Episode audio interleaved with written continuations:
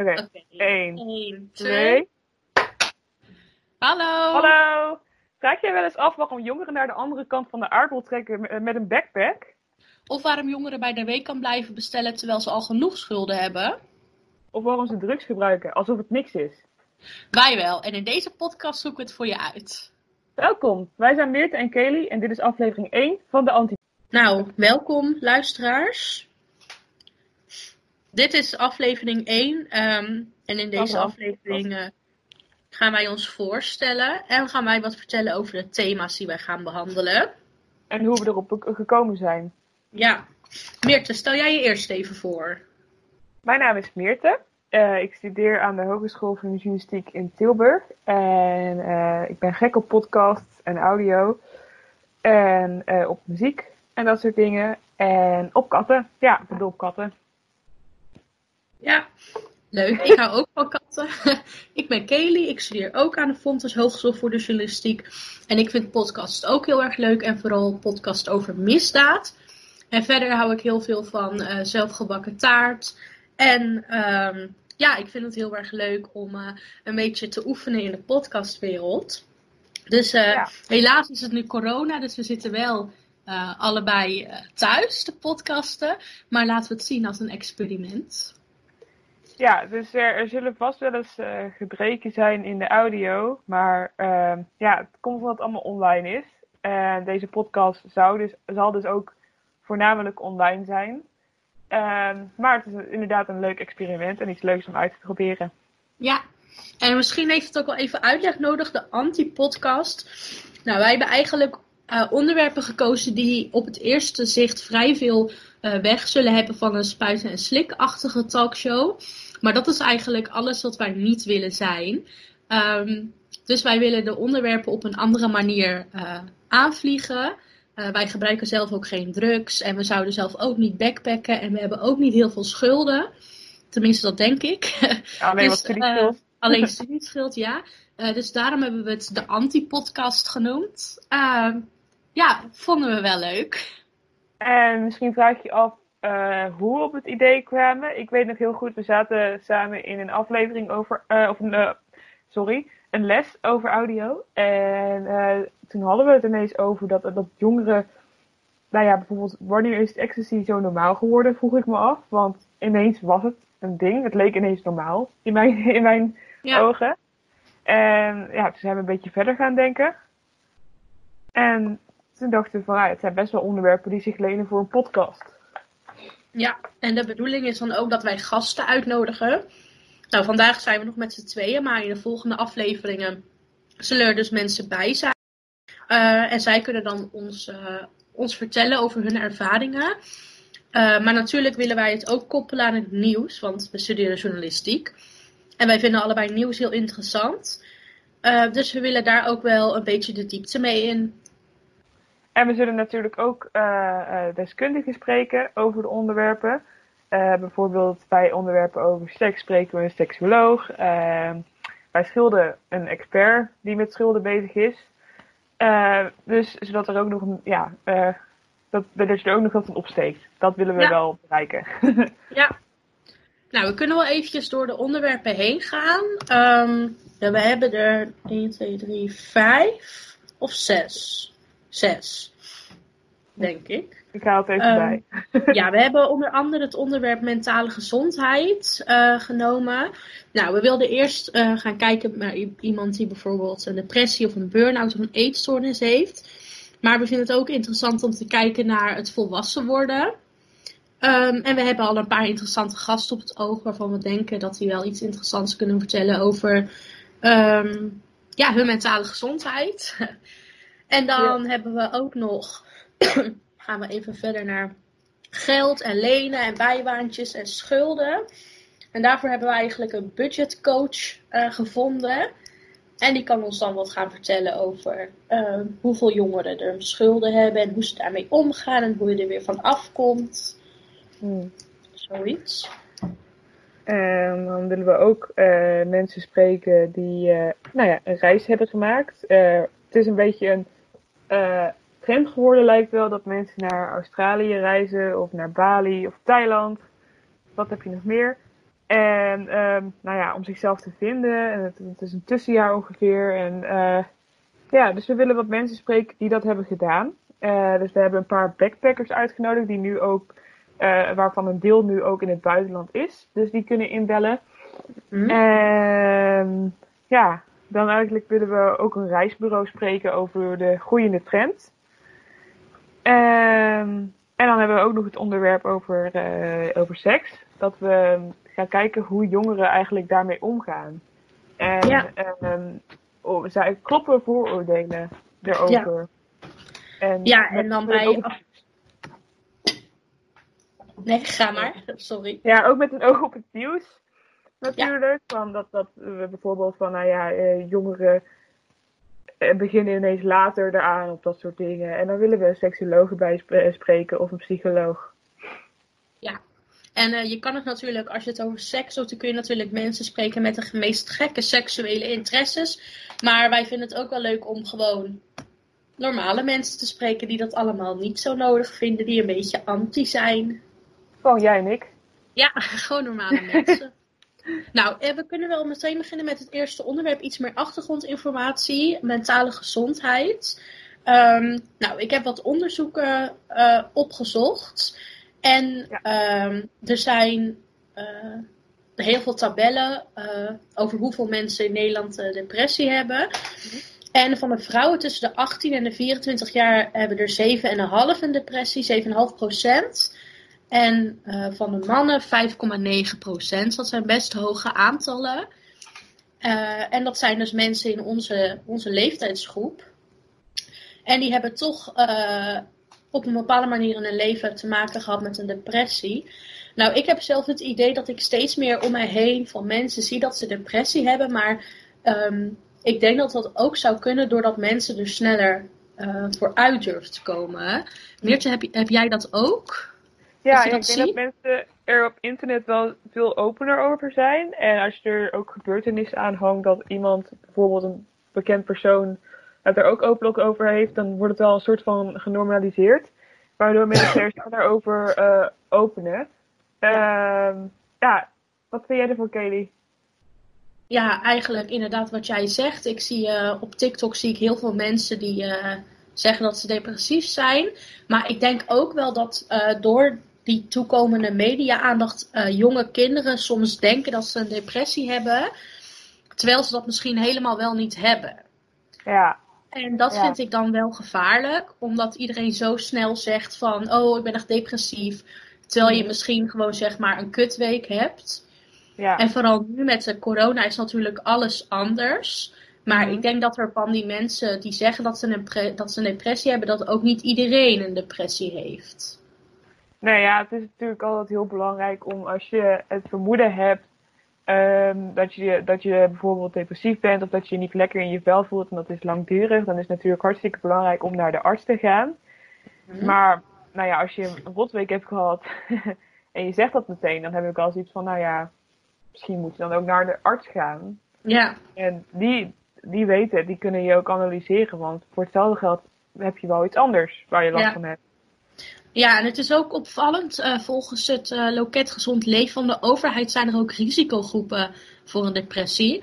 En voor jongeren zijn dat vaak eh, vrouwen uit minder welvarende gezinnen of uit onvolledige gezinnen of met een migratieachtergrond. Maar ik denk dan, ja, is dat, eh, is dat toeval of is dat echt zo? Ja, Ik, eh, ik kan me niet voorstellen dat, eh, tenminste wat ik om mij heen zie, is dat juist meiden uit hele rijke gezinnen die heel erg veel prestatiedruk hebben, dat die juist ehm, gevoelig kunnen zijn voor dat soort dingen. Maar dat is alleen Ja. wat, wat ik zie. Ik weet niet of jij dat ook herkent. Ja, ja nee, het, het, het kan zeker meespelen. Eh, ik, eh, ja, het, het gebeurt natuurlijk ook heel vaak op leeftijden dat het gewoon heel moeilijk te peilen is. Mhm. eh, of het zo is. Is het puberteit? is het depressie? Het volwassen worden, Mhm. het moeten schakelen. Eh, ja, dat zijn allemaal dingen die mee kunnen spelen. Maar ik denk zeker wel als je een soort prestatiedruk op je hebt. eh, net zoals wat nu ook in de studies is, dat je moet, ja, je moet natuurlijk slagen, je propenduizen halen, maar het is ook wel misschien veel en het kost je geld, je bouwt er schulden mee op. Ja, dat kan allemaal best wel ook een druk op je leggen. Eh, Maar het is, het is altijd iets heel lastig te peilen. En ik wil het niet per se eh, normaliseren of bagatelliseren. Het is Nee. gewoon het is. Het is gewoon kloten, Ja, eigenlijk. maar ja, we gaan hier ook uiteraard nog even uitgebreider over praten met eh, mensen die er last van hebben gehad of eh, specialisten. Maar Mhm. dit is gewoon een beetje onze mening. Kijk, Of onze ja. visie, ja. En dan kunnen we denk ik wel verder naar het volgende onderwerp schulden. Ja. Eh, ja, ik heb me daar een beetje in verdiept. En ik heb gezien, eh 37% van de mbo'ers van 18 jaar en ouder heeft momenteel een schuld. En dat is geen ehm, studieschuld, maar echt een... Betalingsachterstanden. ja, dus bijvoorbeeld 1 op de 4 heeft zelfs betalingsachterstanden. Dus dat kan zijn bij de zorgverzekering of bij de mobiel. Maar dat kan ook bij de Weekamp zijn, zoals we in de intro zeiden. Bij de Weekamp kun je dus ook geld lenen. Daar hebben wij natuurlijk een onderzoek, of niet natuurlijk, daar hebben wij een onderzoek eh, over gelezen. In de Volkskrant was dat. Hoe heette die man ook alweer? Eh, Ik ga hem nu opzoeken. Mij Ja. naam was Jeroen, toch? Jeroen, dat kan heel goed. Die was ook undercover gegaan bij Coolblue. Misschien dat mensen die het luisteren, die zullen het vast wel herkennen.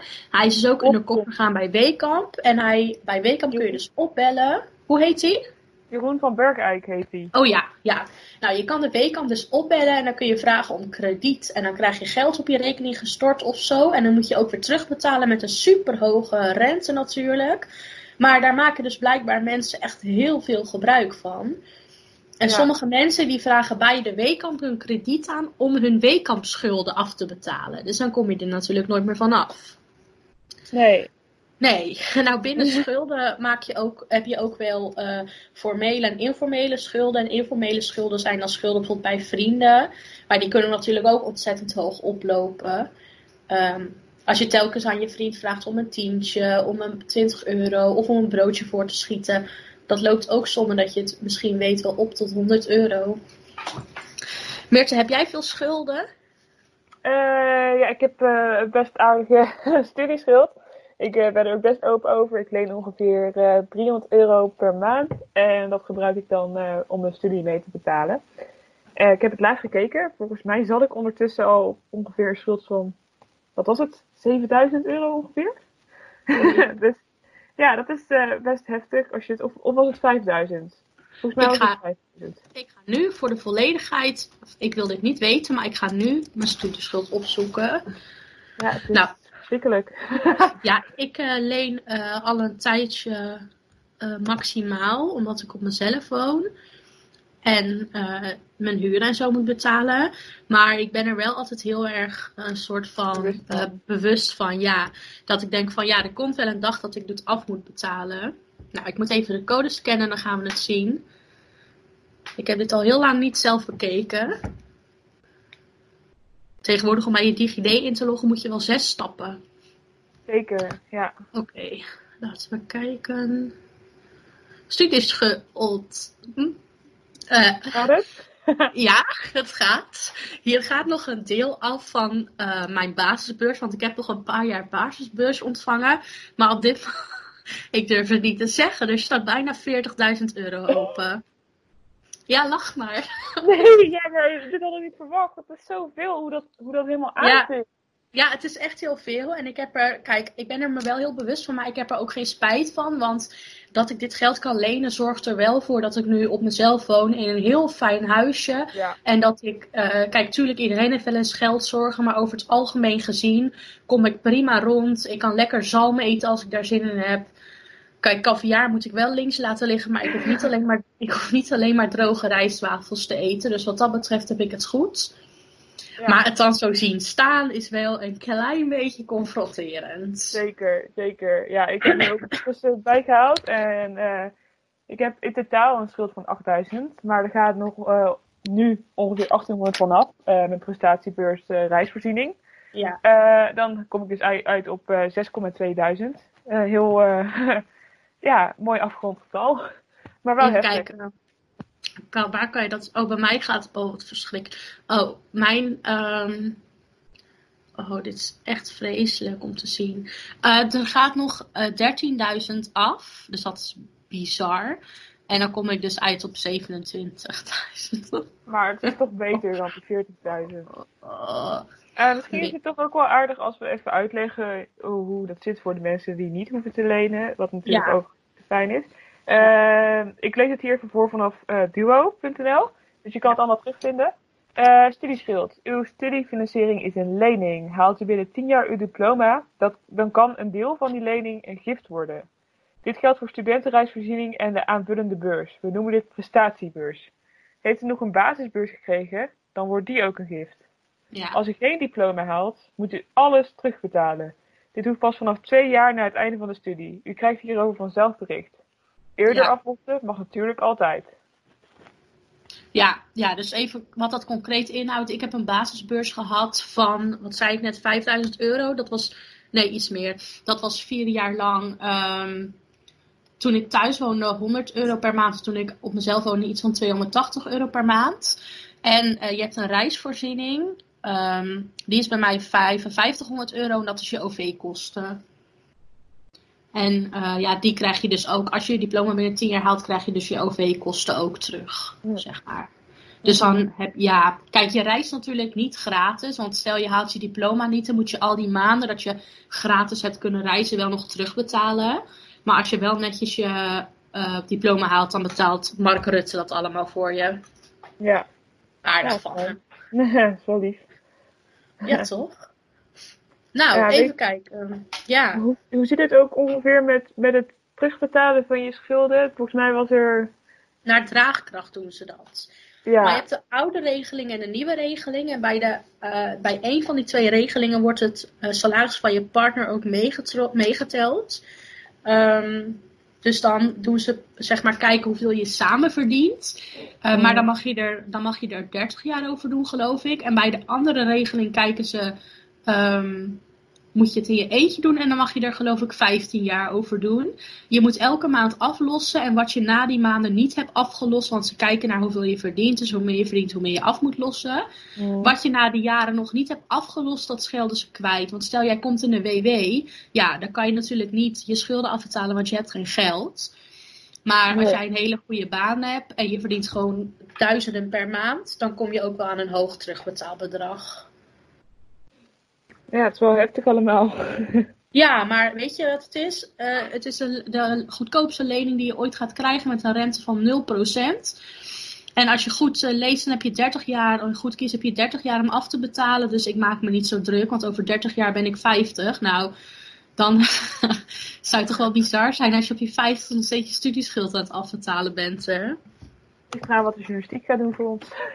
Ja, Ja, nee, maar eh, het is inderdaad iets. Ja, kijk, dit is een soort schuld. Je wil leren, dus het is, het is oké. weet je, dat, Ja. dat is hoe ik erin sta. oh, En ik heb de regels ook nog even opgezocht trouwens. Ja, Vanaf 2018 telt het inkomen van je partner altijd mee. En je aflosfase is 35 jaar. oké, oké. Ehm, 35 dat, jaar. dat, komt, ja, dat hebben ze gedaan. In 2012 had je 15 jaar, alleen toen kreeg iedereen nog basisbeurs. Dus Mhm. dan hoefde je minder te lenen. En nu moet je meer lenen. En wat inhoudt dat je dus ook langer de tijd krijgt om die lening terug te betalen. En helemaal vroeger, dan eh, mocht je ook kiezen of je je partnerinkomen niet wilde laten meerekenen. Maar dan mocht je langer aflossen, omdat je partner dan natuurlijk niet eh, Ja, meebetaalt. En als je koos voor automatische incasso, dan kreeg je 77 cent korting op je maandbedrag. nou, ik zit nu ook ondertussen even te rekenen. En Mhm. eh, ik heb gekeken, eh 35 jaar keer 12 maanden, want dan, dat is in maanden, is eh 420. En als ik nu meteen 25 jaar zou hebben om mijn studieschuld terug te betalen van 6200, wat heel erg meevalt, dan kom ik uit op, spannend, 14,76 euro per maand. En voor hoeveel jaar heb je dan gerekend? ja, gewoon de volle 35. Oké, nou dan ga ik dat ook even doen. 35 keer 12 maanden. Dan kom ik uit op 420 maanden. Nou, laat, hoeveel duizend had ik ook alweer? 27. 27 1000, dat is met drie nullen, gedeeld door 420. Ik ga een hele goede baan moeten zoeken, denk ik, want ik moet, oh nee, het valt wel mee, 65 euro per maand. Ja, dus dat is eigenlijk een bedrag wat je in principe bij je vaste lasten zou kunnen optellen als je het zo Ja. wil zien. Want ja, weet je, het hoort er gewoon bij. Ja, om het nog even over andere schulden te hebben, want we wijken anders te veel af over de studieschuld. Yes. Eh, er zijn een heleboel gemeentes, eh, de gemeente Ede, de gemeente Velsen en de gemeente Weers onder andere. Die zijn nu schulden aan het opkopen van eh, jongvolwassenen. Omdat, waarom, dat weet ik eigenlijk niet, dat ga ik nu even lezen. Een nieuwe manier om de schuldenproblematiek onder jongeren aan te pakken. Meer dan de helft van de jongeren in eh, Velsen heeft schulden of betalingsachterstand. Oef. Er doen tien jongeren mee die door maatschappelijke partners worden aangemeld en de gemeente koopt de schulden af van deze jongens. Jongeren, dat zijn vast ook meiden. En daarmee hopen ze de financiële redzaamheid duurzaam te kunnen verbeteren. Maar Eh, nou. ook een soort eh, tegenprestatie aan. Nou, ik denk dat ze, ze worden aangemeld door maatschappelijke partners. Dus ik denk dat deze jongeren in behandeling zijn bij een, eh, bij een, een therapeut of een traject. En dat Mhm. ze vanuit, ik denk niet dat ze een willekeurige jongen opbellen en zeggen gefeliciteerd, eh, koop je schulden op. Maar ik denk wel dat dit jongeren zijn met een zwakke plek, want anders kom je niet zomaar in zo'n traject. Ja. En ik denk dat, dat de bedoeling van deze jongeren wel is dat ze zeg maar door het aflossen van hun schulden misschien meer kansen eh, krijgen om een eh, nieuwe baan of een fijne huisvesting. Mhm. En nou, dat Ja. is in Velsen. Ik zal ook nog even kijken hoe ze het dan in een andere gemeente aanpakken, want ik heb er ook een in Ede. Ede in Gelderland. Ehm 18% van de mensen met schulden is Ede tussen de 18 en 25. Iedereen die tussen maart en februari 18 wordt, ontvangt een speciale verjaardagskaart. En hierop staat wat er allemaal financieel verandert nu de jongeren volwassenen zijn. Oké, dus dit is geen ehm, aanpak, maar hier worden de jongeren erop gewezen dat ze nu 18 zijn en dingen moeten gaan kopen en dingen moeten gaan betalen. En dat, ik weet toevallig dat ze dat in de gemeente waar ik vandaan kom, in Zeeland, in de gemeente Borselen, doen ze dat ook. Als je 18 wordt, krijg je een informatieboekje van: hé, hey, je bent nu 18, je moet je zorgverzekering gaan betalen. En dan staan er wat tips in en dan hopen ze daarmee dat je niet eh, in de schulden komt. En is het ook eh, de bedoeling dat je dan daar blijft wonen als die schulden zijn afbetaald? Want het lijkt me eigenlijk ook zo dat op sommige plekken eh, jongeren naar de Randstad vertrekken. En dat het dorp dan, of de gemeente dan leeg kan lopen. Of speelt dat niet zozeer mee? Nou, er staat hier dat de jongeren de schulden aan de gemeente wel moeten afbetalen. Dus volgens mij al vlucht je van Velsen. Ik weet niet eens naar Velsen, waar Velsen ligt, maar al vlucht je van Velsen naar Duitsland. Ik denk dat je nog steeds gewoon jouw gemeente moet. eh, Oh, Velsen ligt bij Haarlem. Dus al zou je in Limburg gaan wonen, ik denk dat je nog steeds, eh, als je echt een baan hebt en je leven opgebouwd hebt, dat je nog steeds elke maand lekker een accepteren krijgt om eh, jouw gemeentetje terug te betalen. Ja. Nou. Weet je hoe die burgemeester heet? nou? Frank? Dales of Frank Deels, die komt uit de VS. Frank Deels, Ja? ja, die is geboren in New Jersey. En dan komt hij naar Velzen. Ja, hij is sinds 1980 is hij al actief voor de D66 in Purmerend. Jeetje. Oh, hij heeft ook bij de dierenbescherming. Ja, lekker even eh, off-topic, maar ja, leuk. Ja, Velzen, een, eh, ja, als- je-. Als je in Velsen woont Eh, en je luistert en jouw burgemeester is meneer Deels, laat even een berichtje achter. Ja, we zijn benieuwd naar deze man. Ehm, nou ja, dus, dus we hebben al wat mensen gevonden die eh, bereid zijn om over hun schulden te betalen, eh, te vertellen. Misschien ook wel om te betalen, maar niet aan ons. Ehm, dus de- daar, daar willen we ook zeker mee in gesprek gaan met hoe zij het ervaren en eh, hoe het komt dat ze aan die schulden zijn gekomen. Ja. Ehm, Ja, Dan wil jij het volgende onderwerp inleiden? Want ik- jij hebt hier daar een beetje... eh, ja, vertel. Ik wil graag het volgende onderwerp inleiden. Het volgende onderwerp eh, is eh, drugs. En nou ja, zoals we al eerder vertelden was dat wij ons afvragen hoe dat nou komt. Dat jongeren ecstasy gebruiken. En ook al heeft bijvoorbeeld Arjen Lubach bij Zondag met Lubach aangetoond van nou, het kan gewoon gelegaliseerd worden. Het is niet zo slecht voor je. Toch vroegen we af hoe het nou komt. Dat het toch zo'n bijna alledaags ding is geworden of zo. ja, Dat, dat, dat, dat, dat klasgenoten vertellen over nou ja, pilletjes en over... gewoon heel subtiel wat ze hebben gedaan. Ja, ja, en alsof het gewoon echt de normaalste zaak van de wereld is. Nou ja, in mijn, in mijn gedachten is dat al best wel heftig of zo. Ja, vind ik Ehm, ook. Ja. ja, want ik, ik ben toch bang om mijn controle over mezelf te verliezen. Ja, ik ook. Ik durf het echt niet. Ik zou het heel graag een keer doen. Dat durf ik best toe te geven. Ja, Ik zou echt wel een keer willen weten hoe het voelt om een ecstasy-pilletje te nemen. Maar ik durf het gewoon niet. ja, nee, precies. Nee, ja, het is, het is gewoon eh, iets, ja. Het Ja, wat ik ook- ver weg. Wat ik ook heel opvallend vind, is ik kijk best wel vaak filmpjes over mensen die bijvoorbeeld in Amerika opgenomen zijn in het ziekenhuis, dat ze hun verhaal vertellen. Ik ben wel een beetje zo'n, eh, ik vind dat wel interessant. En zij gebruiken heel erg vaak, krijgen zij medicatie, eh, zoals ketamine en oxycodon. Ehm, en dat zijn gewoon zwaar verslavende middelen en een Ja. Xanax. En ik ken in Nederland gewoon mensen die dat voor de lol nemen. En dan denk ik, god, dat is heftig dat je dat... eh, Kijk, dit is ook wel een leuke anekdote. Ik kreeg laatst een berichtje op Instagram van een jongen. Die zei, ja, ik heb oxycodon, heb je zin om dat samen te nemen? Ik dacht, ben je mal? Dat is Maar dat echt leek, bizar. ja, dat leek hem gewoon een leuk idee om samen te doen. Maar weet je, je valt daarvan in slaap. Het is een zwaar, zwaar middel. Ik, ik kon niet aan mijn woorden hoe belachelijk ik het vind. Maar in Amerika zijn er toch ook best wel wat mensen aan, eh, aan verslaafd. Ja, zeker. En er zijn ook mensen die er zo, als ze er dan proberen af te kicken, dat, dat ze daar zo gek van worden dat, ze- dat ze gewoon helemaal mentaal instorten. Ik heb hier een artikeltje van het Parool. Al 400.000 doden door verslavende pijnstillers in Amerika. Ja, dat, ja, dat is echt heftig hoor. ja, verslaving aan zware pijnstillers kosten al honderdduizenden Amerikanen het leven. Grote farmaceuten houden deze epidemie bewust in stand. Uit winstaanklacht. Ja, nee, maar dat, ik geloof dat echt volledig. Uh, overdoses van zogeheten opioïden. En er staat Ja. er iets over oxycodon. Ja, dat is waar ik het dus over had. Ehm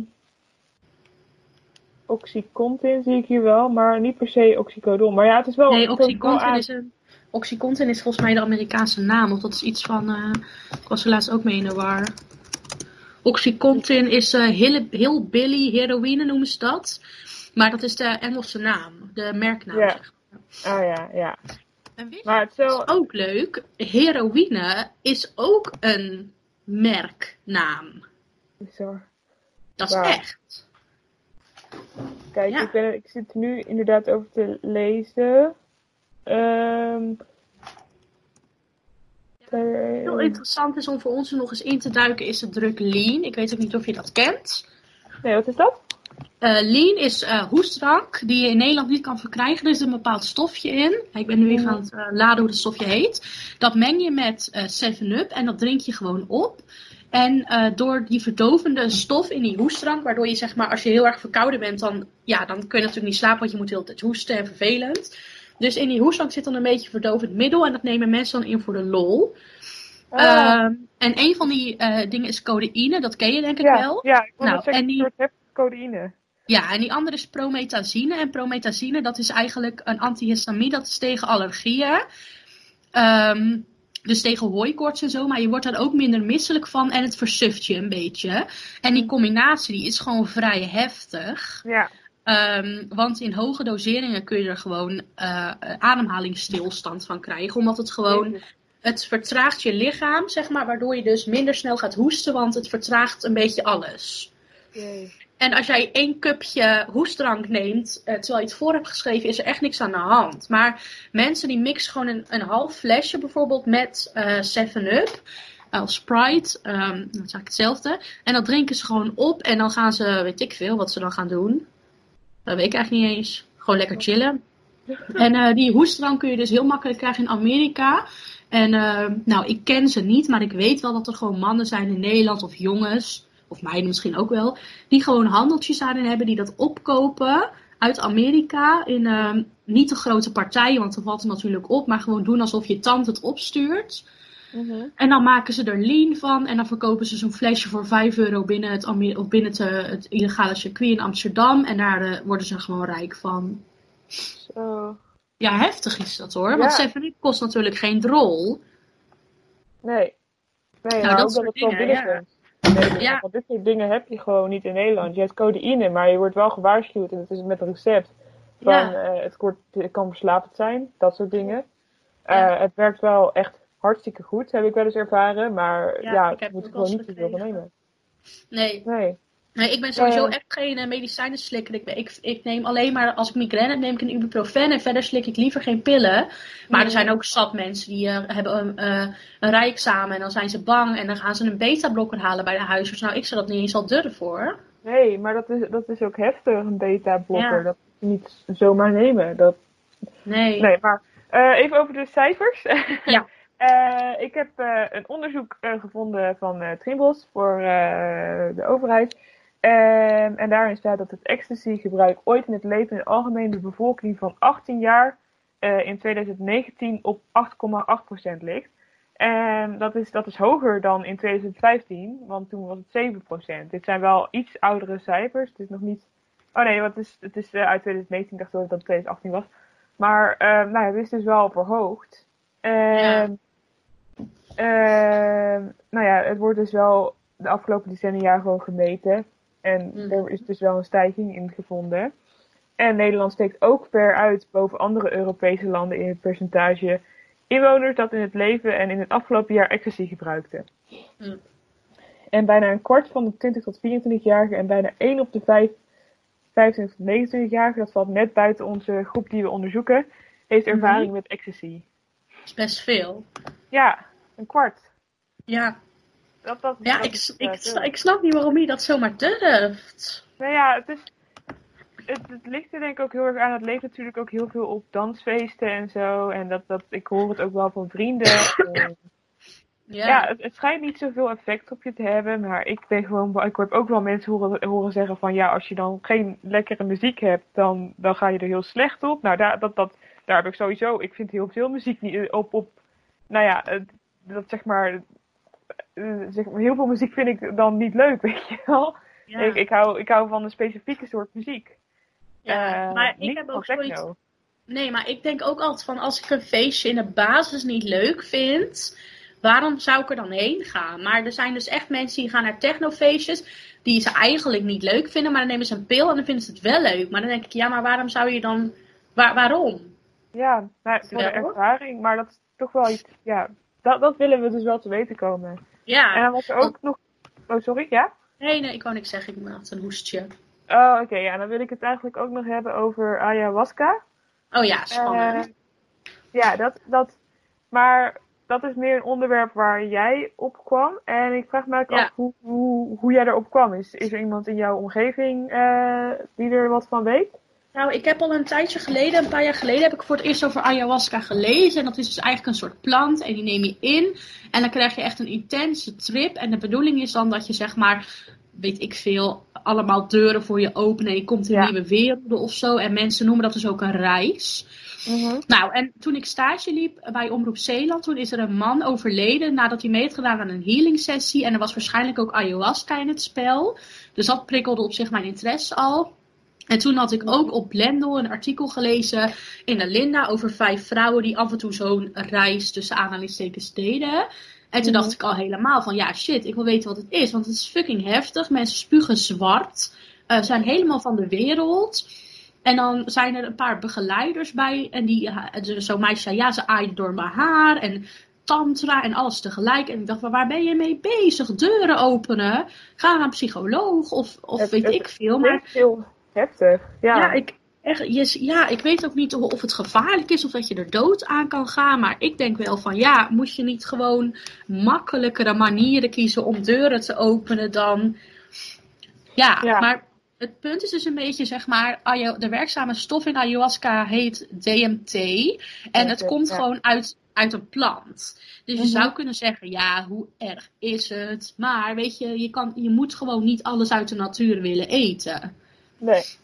Wat ik dan ook heel interessant vind, is hoe zijn ze erachter gekomen dat, dat dit werkt? Heeft iemand gewoon die plant gegeten en die ging helemaal trippen en die zei tegen al zijn vrienden, yo, is lekker. Of, Ja, hè, dat, ehm, ayahuasca wordt eh, vaak door, ehm, ja, vaak, eh, het, is, het, komt uit Zu- Zuid-Amerika, daar, daar wordt Mhm. het veel gedaan. En het is, er zit ook een soort van geloof aan vast, lijkt bijna. En het lijkt me een beetje iets inheems te zijn. En eh, nou ja, het is daar dus, ja, best wel, best wel een ding, weet je wel. Die gaat, ze, ze drinken daar met z'n allen en er zit echt een soort ehm, ritueel aan vast of zo. En Ja. je hebt, in Amsterdam heb je een, eh, een kerk die in de teken staat van ayahuasca. Oh, wat cool. In Amsterdam, ja, in Amsterdam. Dus eh, ja, het is, het, is, het, is, het is niet iets Nederlands. Het is zeg maar iets, iets wat, wat gewoon vanuit ja, die mensen van, van Zuid-Amerika vandaan komt. Zie je het, wat gek. De Santo Deum-kerk. Ja, ja. Centraal binnen de regilie staat het drinken van het sacra. Nou, wat gek. Dus, dus, eh, Wel heel interessant. Ja, ja. Ehm, maar we hebben wel mensen gezocht die erover willen praten, maar Ja, we het is best wel lastig, toch? Ja, het is heel lastig. We hebben één meisje gevonden die er wel over wilde praten. Maar heel veel mensen die ik aanschreef, die waren er eigenlijk heel eh, terughoudend in. Omdat ze zeiden, ja, maar ayahuasca komt al zo slecht in het nieuws. En kun je dan niet een shamaan spreken die er verstand van heeft? Maar ik wil geen shamaan. Ik wil eigenlijk gewoon het liefst iemand spreken die zei één keer nooit meer. Ik dacht dat ik dood ging. Ja, en, Maar, en maar ja, er, eh, is, ja. Er, is, er is zelfs in ehm, een jongen eh, een paar jaar geleden overleden, eh, omdat hij dus hallucinaties kreeg. En uiteindelijk heeft hij dus zelfmoord gepleegd, maar dat, dat kwam dus volgens zijn nabestaanden kwam dat doordat hij ayahuasca een keer had gebruikt in Zuid-Amerika op reis. Dat zijn ja, twee elementen die wij onderzoeken, op reis gaan en eh drugs. ja, ja. Het is eigenlijk Dus, allemaal ja. met, elkaar, met elkaar te maken. Ja, Ja. dus, dus het is wel bizar dat, dat een, een plantje gewoon zoiets kan, kan doen, maar is het ook echt zo? En ja, Ja. het is zeker, zeker wel iets moois om te onderzoeken. Ik denk dat Jellinek bijvoorbeeld, als we daar iemand van kunnen spreken, dat zou natuurlijk super zijn. Dus eh, als iemand van- bij Jellinek werkt of eh, er iets over kan vertellen, weet je Ja. dat er nog. Eh, dus ja, dat was dan denk ik al de drugs. Ja, nou hebben we verder nog het onderwerp seksuologie. Ehm, en dan jezelf vinden. Nou, eh, seksuologie heb jij geloof ik uitgezocht. Zal ik eh, beginnen met jezelf vinden? Eh, ja, is goed. Ja. Oké, nou jezelf vinden gaat dus vooral een beetje over reis. En we hebben daar natuurlijk ook weer cijfers op gezocht. En nou is het best wel moeilijk om daar echt goede cijfers over te vinden. Alleen, ehm, ik heb op eh, verkeersbureau.info gevonden dat 27% van de jongeren tussen de 22 en de 30 jaar in de afgelopen 5 jaar op rondreis is geweest. 92% van deze reizen was buiten Europa, dus bijna allemaal. En de populairste bestemmingen zijn Thailand, Australië en Indonesië. Nou, eigenlijk is dat ook wel- wat ik om me heen zie. Mensen halen een diploma en dan gaan ze drie maanden naar Azië. Ik denk, wat moet je daar? Maar voor sommige mensen is het blijkbaar een openbaring. Nou, mijn broertje die heeft dus ook geboekt voor een taalreis in Australië. Omdat hij Engels wil leren. Dan denk ik, ga lekker naar Londen. Maar het kind moet naar Australië. Ehm, ja, hij wil gewoon heel graag de wereld zien. Ik ben dolgelukkig in Tilburg. Dus ik ben heel benieuwd waarom mensen zo die drang voelen Om, eh, ja, en ik heb ook het tv-programma Break Free. Ik weet niet of je dat kent. Dat is een tv-programma dat gaat over jongeren die gaan op reis en die komen niet meer terug doordat ze dood zijn gegaan. Ehm, en in het begin heb je een hele mooie intro en volgens mij is dat ingesproken door Arie Booms, Chris Segers. Chris Segers. En die zegt, wie wil dat nou niet? Met een paar kleren in je backpack de wijde wereld in. En dan denk ik, ik. Ik wil dat niet. Nee. Maar dat is, dat is blijkbaar een, eh, heel raar dat ik dat niet wil. En eh, als ik Chris Segers zou moeten geloven, is het de droom van elke tiener om op vakantie te gaan. Maar ik wil het niet. En ik ben heel benieuwd waarom het andere mensen wel drijft. Dus Ja, ja Dat- ja, dat is het. Ja, het, Ja. Is, ja het, is, het is heel avontuurlijk. Eh, ik moet zeggen, ik hou van reizen. Ik vind het superleuk. Maar ik ben ook, eh, ja, ik, ik hou ook gewoon van contact. En ik vind het ook wel fijn om met iemand dingen uit te kunnen pluizen in plaats van dat ik alleen ergens ben. En het helemaal zelf moet uitzoeken. Dat lijkt mij gewoon doodeng. Ja, mij ook hoor. En ik heb wel zoiets van, nou ja, iedereen mag het wel gewoon doen. Het is hard, hard- hartstikke leuk. Ik vind het ook wel gaaf als mensen doen. Maar ik heb wel, toen ik een tussenjaar nam, vroegen mensen, oh, ga je ook reizen? Alsof het zeg maar, weet je, eh, ik had daar geen geld voor toen. Ik, had, ik, ik, ik spaarde toen ook amper, ik was 17. Dus hoe kon ik dan op reis gaan?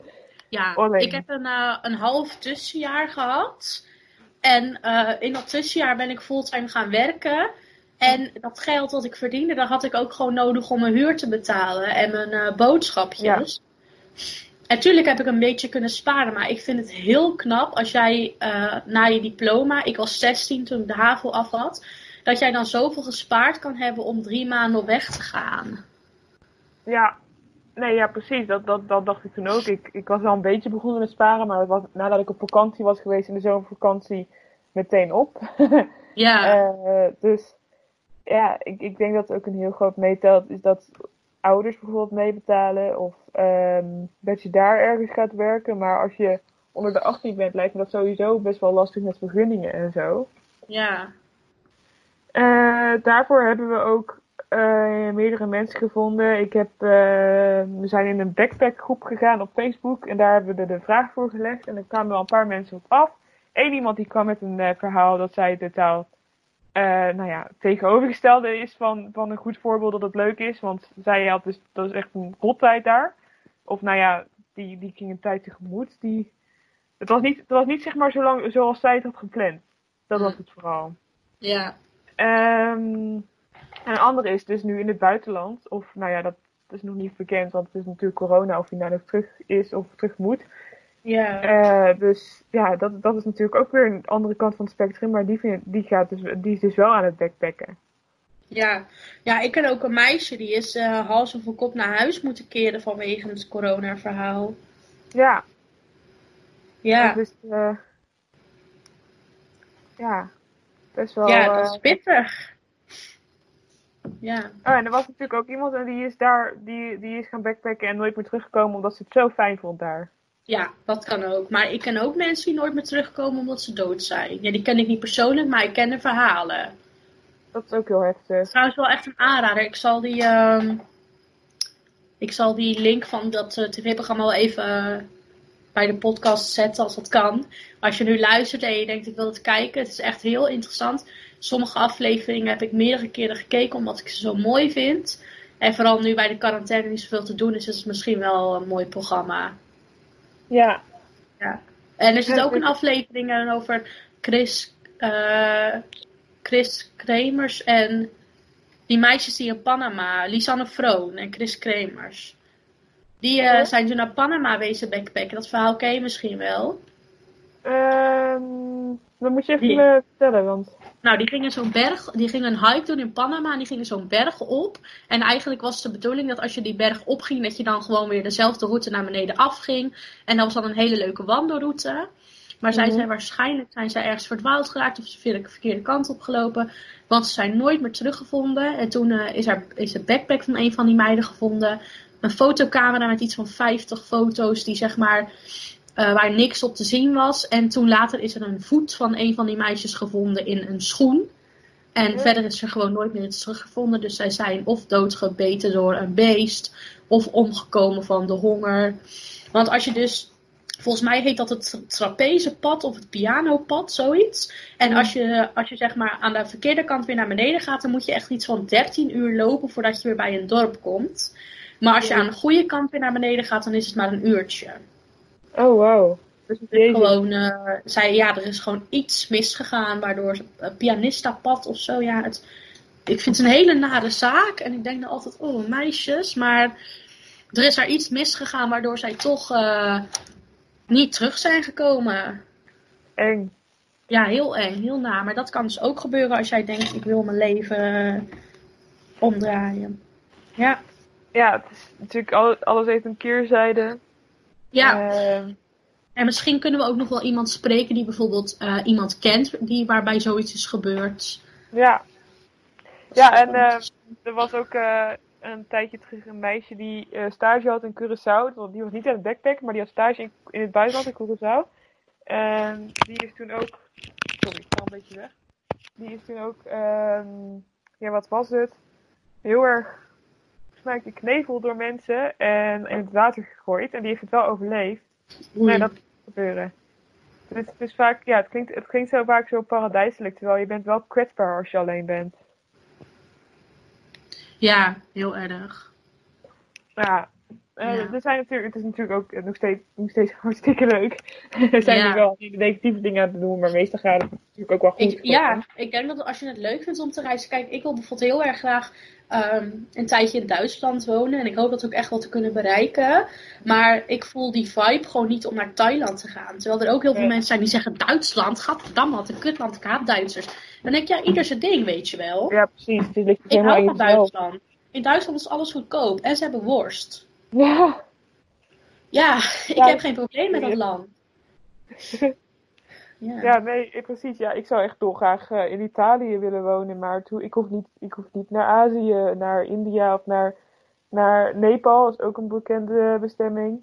Ja, Thailand, het hoeft van mij niet. En Australië, Nee. dat, dat is ook een beetje een ver van mijn bedshow. ja. Dus, dus ja, daar vind ik die insecten bijvoorbeeld heel eng, lijkt me. Ja, dat soort stomme dingetjes. Maar het hoeft van mij gewoon niet. Dan ben ik super ver van mijn familie af, van mijn vrienden. Ja. Nee. ik hoor het zelf. Oh, Nu is weer weg. ah, oké.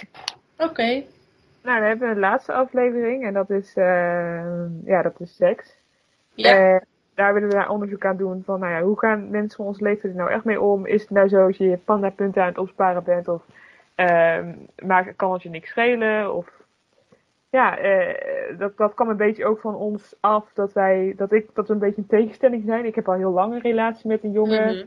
en, en jij, ja, eh, Nog Het- nooit. wat zei je? Ik heb nog nooit een relatie gehad. Nee, ja, je hebt geen relatie gehad. Dus ja, dat is, dat is, dat is wel een grappige tegenstelling. En daarom dachten we van, nou, het is wel leuk om te kijken hoe mensen er nou mee omgaan. Ja. Ehm, Maar durf jij ook te zeggen dat je 100% op mannen valt? Of is, Nee. zit daar ook nog... eh, nee, nee, nee. Nee, zeker niet 100%. Ja, Nee. ik weet het dus ook gewoon nog niet. Oh ja, ja nee, ik weet, ik weet wel dat het, dat het, dat het anders ligt Ja. eh, bij mij. Maar ik, het is niet per se dat ik het zo uitspreek of zo. Nee, ook wel iets voor ons om, eh, of voor mij misschien, om het zelf ook een beetje uit te zoeken tijdens het maken van deze serie. Ja, ja, zeker. Ja, als je dat, als je dat wil. Maar eh, volgens mij is het ook zo dat, dat, dat vrouwen bijvoorbeeld best wel vaak geneigd zijn om. eh dat is zo'n vermoeden. Dat het vaker biseksueel of zo. Dat het iets normaals moet zijn of zo. Ja, nou, het is wel zo. Hoe gaan mensen er nou precies mee om? Dus ehm ja, dat, dat wel, wel interessant. En er zijn dan ook berichten eh, dat, dat jongeren steeds minder, eh, of steeds later ermee beginnen. ja. Eh, dat willen we dus ook eigenlijk voorleggen aan een expert. Van hoe zit dat nou en hoe is die shift eigenlijk? Want je zou denken dat vroeger mensen juist preutser waren op dat gebied, maar blijkbaar niet. Nee, we zijn net Amerikanen, hè, op dat gebied. In het openbaar is iedereen altijd heel netjes, maar achter gesloten deuren gebeurt er volgens mij van alles. ja. En vooral vroeger denk ik dat het echt het geval was. Mhm. Maar ja, wij zitten natuurlijk ook qua date zitten wij in een hele bijzondere periode. Want je hoeft maar drie keer te klikken op je telefoon. En als je het Ja, wil, staat er een jongen van Tinder in je kamer. Ja. En je kan er natuurlijk ook heel erg bewust voor kiezen om, ehm, om daar allemaal niet aan mee te doen. Aan dat hele internet daten. Ja, ja, dat, dat- ja, nou ja, dat kan zeker inderdaad. En ik, ik weet, oh, ik, eh, op mijn stage sprak ik ook met iemand en die, die vroeg toen, ehm dat was bij de lunchpauze, die vroeg toen, waar heb jij je vriend ontmoet? Eh, en toen zei ik, ja, op school. En toen zei ze van, ja, dat is hoe het hoort. In het echt, weet je wel, niet via die site. Vond ik Ja. heel grappig. Want ik, heb, Ja. ik, ik, ik kijk er zo helemaal niet naar. Ik vind het gewoon prima wat, wat op je pad valt en hoe je dat, hoe je dat ervaart. Nou ja, dat, dat is wat het belangrijkste is. Niet waar je Mhm. iemand hebt ontmoet. Nee, maar ik zou toch wel liever, denk ik, eh, mijn vriend in het echt willen ontmoeten dan op Ja. Tinder. Maar ik weet ook niet waar dat dan vandaan komt. Nou, en dat schijnt ook vaak wel kan bedrie- bedriegen. Ja, Ja. maar ik denk ook wel dat zeg maar, eh, als je elkaar in het echt tegenkomt, dan weet je gelijk of je zeg maar een goede eh, vibe zeg maar, hebt, of je een beetje een goede klik hebt. Terwijl je kan al drie weken praten op Tinder en er dan alsnog achter komen dat iemand niet helemaal aansluit bij jouw eh, wensen en behoeften. Maar dan heb je al wel drie weken zeg maar er toch tijd in gestoken. Ja, zeker. Dan Ja. denk ik, ja, maar ja, weet je, ik ga nooit uit. Dus Ja. waar moet ik die persoon dan ontmoeten? ja, het zijn ook vaak dingen die gewoon met toeval gebeuren natuurlijk. Gewoon, ja, eh, dat is ook waar. Maar we kunnen er wel een keertje wat dieper over ingaan hoe jij uh, je vriend hebt ontmoet in de aflevering. Ah, misschien wel leuk. Maar het ligt er ook heel erg aan wat, wat we nou precies gaan bespreken in de aflevering. Uh, ja. Maar het is wel natuurlijk iets wat jongeren bezighoudt. En we willen het niet op een spuiten en slikken manier brengen. Want dat, nee. ja, weet je, er zijn interessantere dingen om, om mee bezig te zijn. Ja, en ondanks dat ze zeggen dat veel dingen taboe zijn. Als je bijvoorbeeld op vaginisme zoekt op YouTube, dan vind je echt zoveel hits. En dat was. Uh, Ik heb zelf vaginisme gehad en toen ik daar last van had, toen kon ik echt nog niet op, op Google zo makkelijk vinden wat het uh, was of is. Maar nu wordt dat al zo vaak weer, zeg maar, uh, gedaan. Dat dat mhm. voor ons ook niet meer per se heel interessant is. Nee. Nee, het is, ja. Dus ja, inderdaad, ja, het is, het is, echt heel vervelend als je het hebt. En het is ook wel fijn dat als je het hebt, dat je het nu gewoon meteen hebt opgezocht, wat het nou precies is. Ja. Maar als je het nu intypt, dan, staan er, uh, dan staat er al een filmpje van uh, Jurre van uh, BNN staat erop. Ja. En er staat, oh, nu klik ik hem aan, dat is niet nodig. Straks komt Arjen Lubach nog met een vaginisme filmpje en dan is het al helemaal rond, zeg maar. Ja, op zich. Lubach, als je dit luistert. Get maar niet. vaginisme. Nee, oké, doe maar niet. We weten Oké. Okay. Nou, dat waren onze onderwerpen. Ja. Mocht je dit nou horen en denken, verdorie, ik heb echt iets heel leuks te vertellen over een van jullie onderwerpen, stuur ons gerust een bericht. Mm Dan, uh, en verder gaan wij denk ik de rest van de dag uh, op Google tutorials zoeken over hoe we dit in hemelsnaam op Spotify gaan krijgen. ja, precies. Ik heb al wat iets gevonden, maar dat wordt nog even een klus. Mm En dan denk ik dat dit het wel was, grotendeels. Ja, nee, ja, zeker. Ik, uh, ik, ben, ik, ben, ik heb er super veel zin in. Ik ben heel erg benieuwd naar hoe dit gaat uitpakken. En uh, ik vind het ook gewoon hartstikke leuk om met iedereen te gaan praten. Ja. Uh, in gesprek te gaan. En dit doen we niet per se omdat we denken van, oh, wat stom allemaal. Maar gewoon eigenlijk omdat we gewoon nieuwsgierig zijn en dingen willen uitzoeken. En, we willen ook gewoon dingen niet. En we hopen gewoon dat er wel mensen zijn die dat wel weten. Ja, en ik wil ook even een disclaimer doen dat wij uh, onderwerpen zoals uh, uh, drugs of depressies, eetstoornissen, dat we dat niet willen normaliseren. Dat we het niet willen bagatelliseren, maar dat we het gewoon, dat we het gewoon willen uitzoeken. Ja, we hebben gewoon vragen en we willen gewoon antwoorden. Dus we gaan op zoek naar mensen die er. Niet mensen die zeggen, ja, ik doe elke dag drugs, chill. Maar mensen die er echt, echt iets zinnen, iets spannends over hebben te zeggen. Dat we echt denken, wow. Ja, dat wist ik nog niet. Nee, precies. Ja. En uh, misschien dat wij over een jaar toch wel aan de pil zitten, maar misschien ook niet. Of dat we over een jaar in Thailand aan de pil zitten. Oeh. Ja, we weten het niet, hè?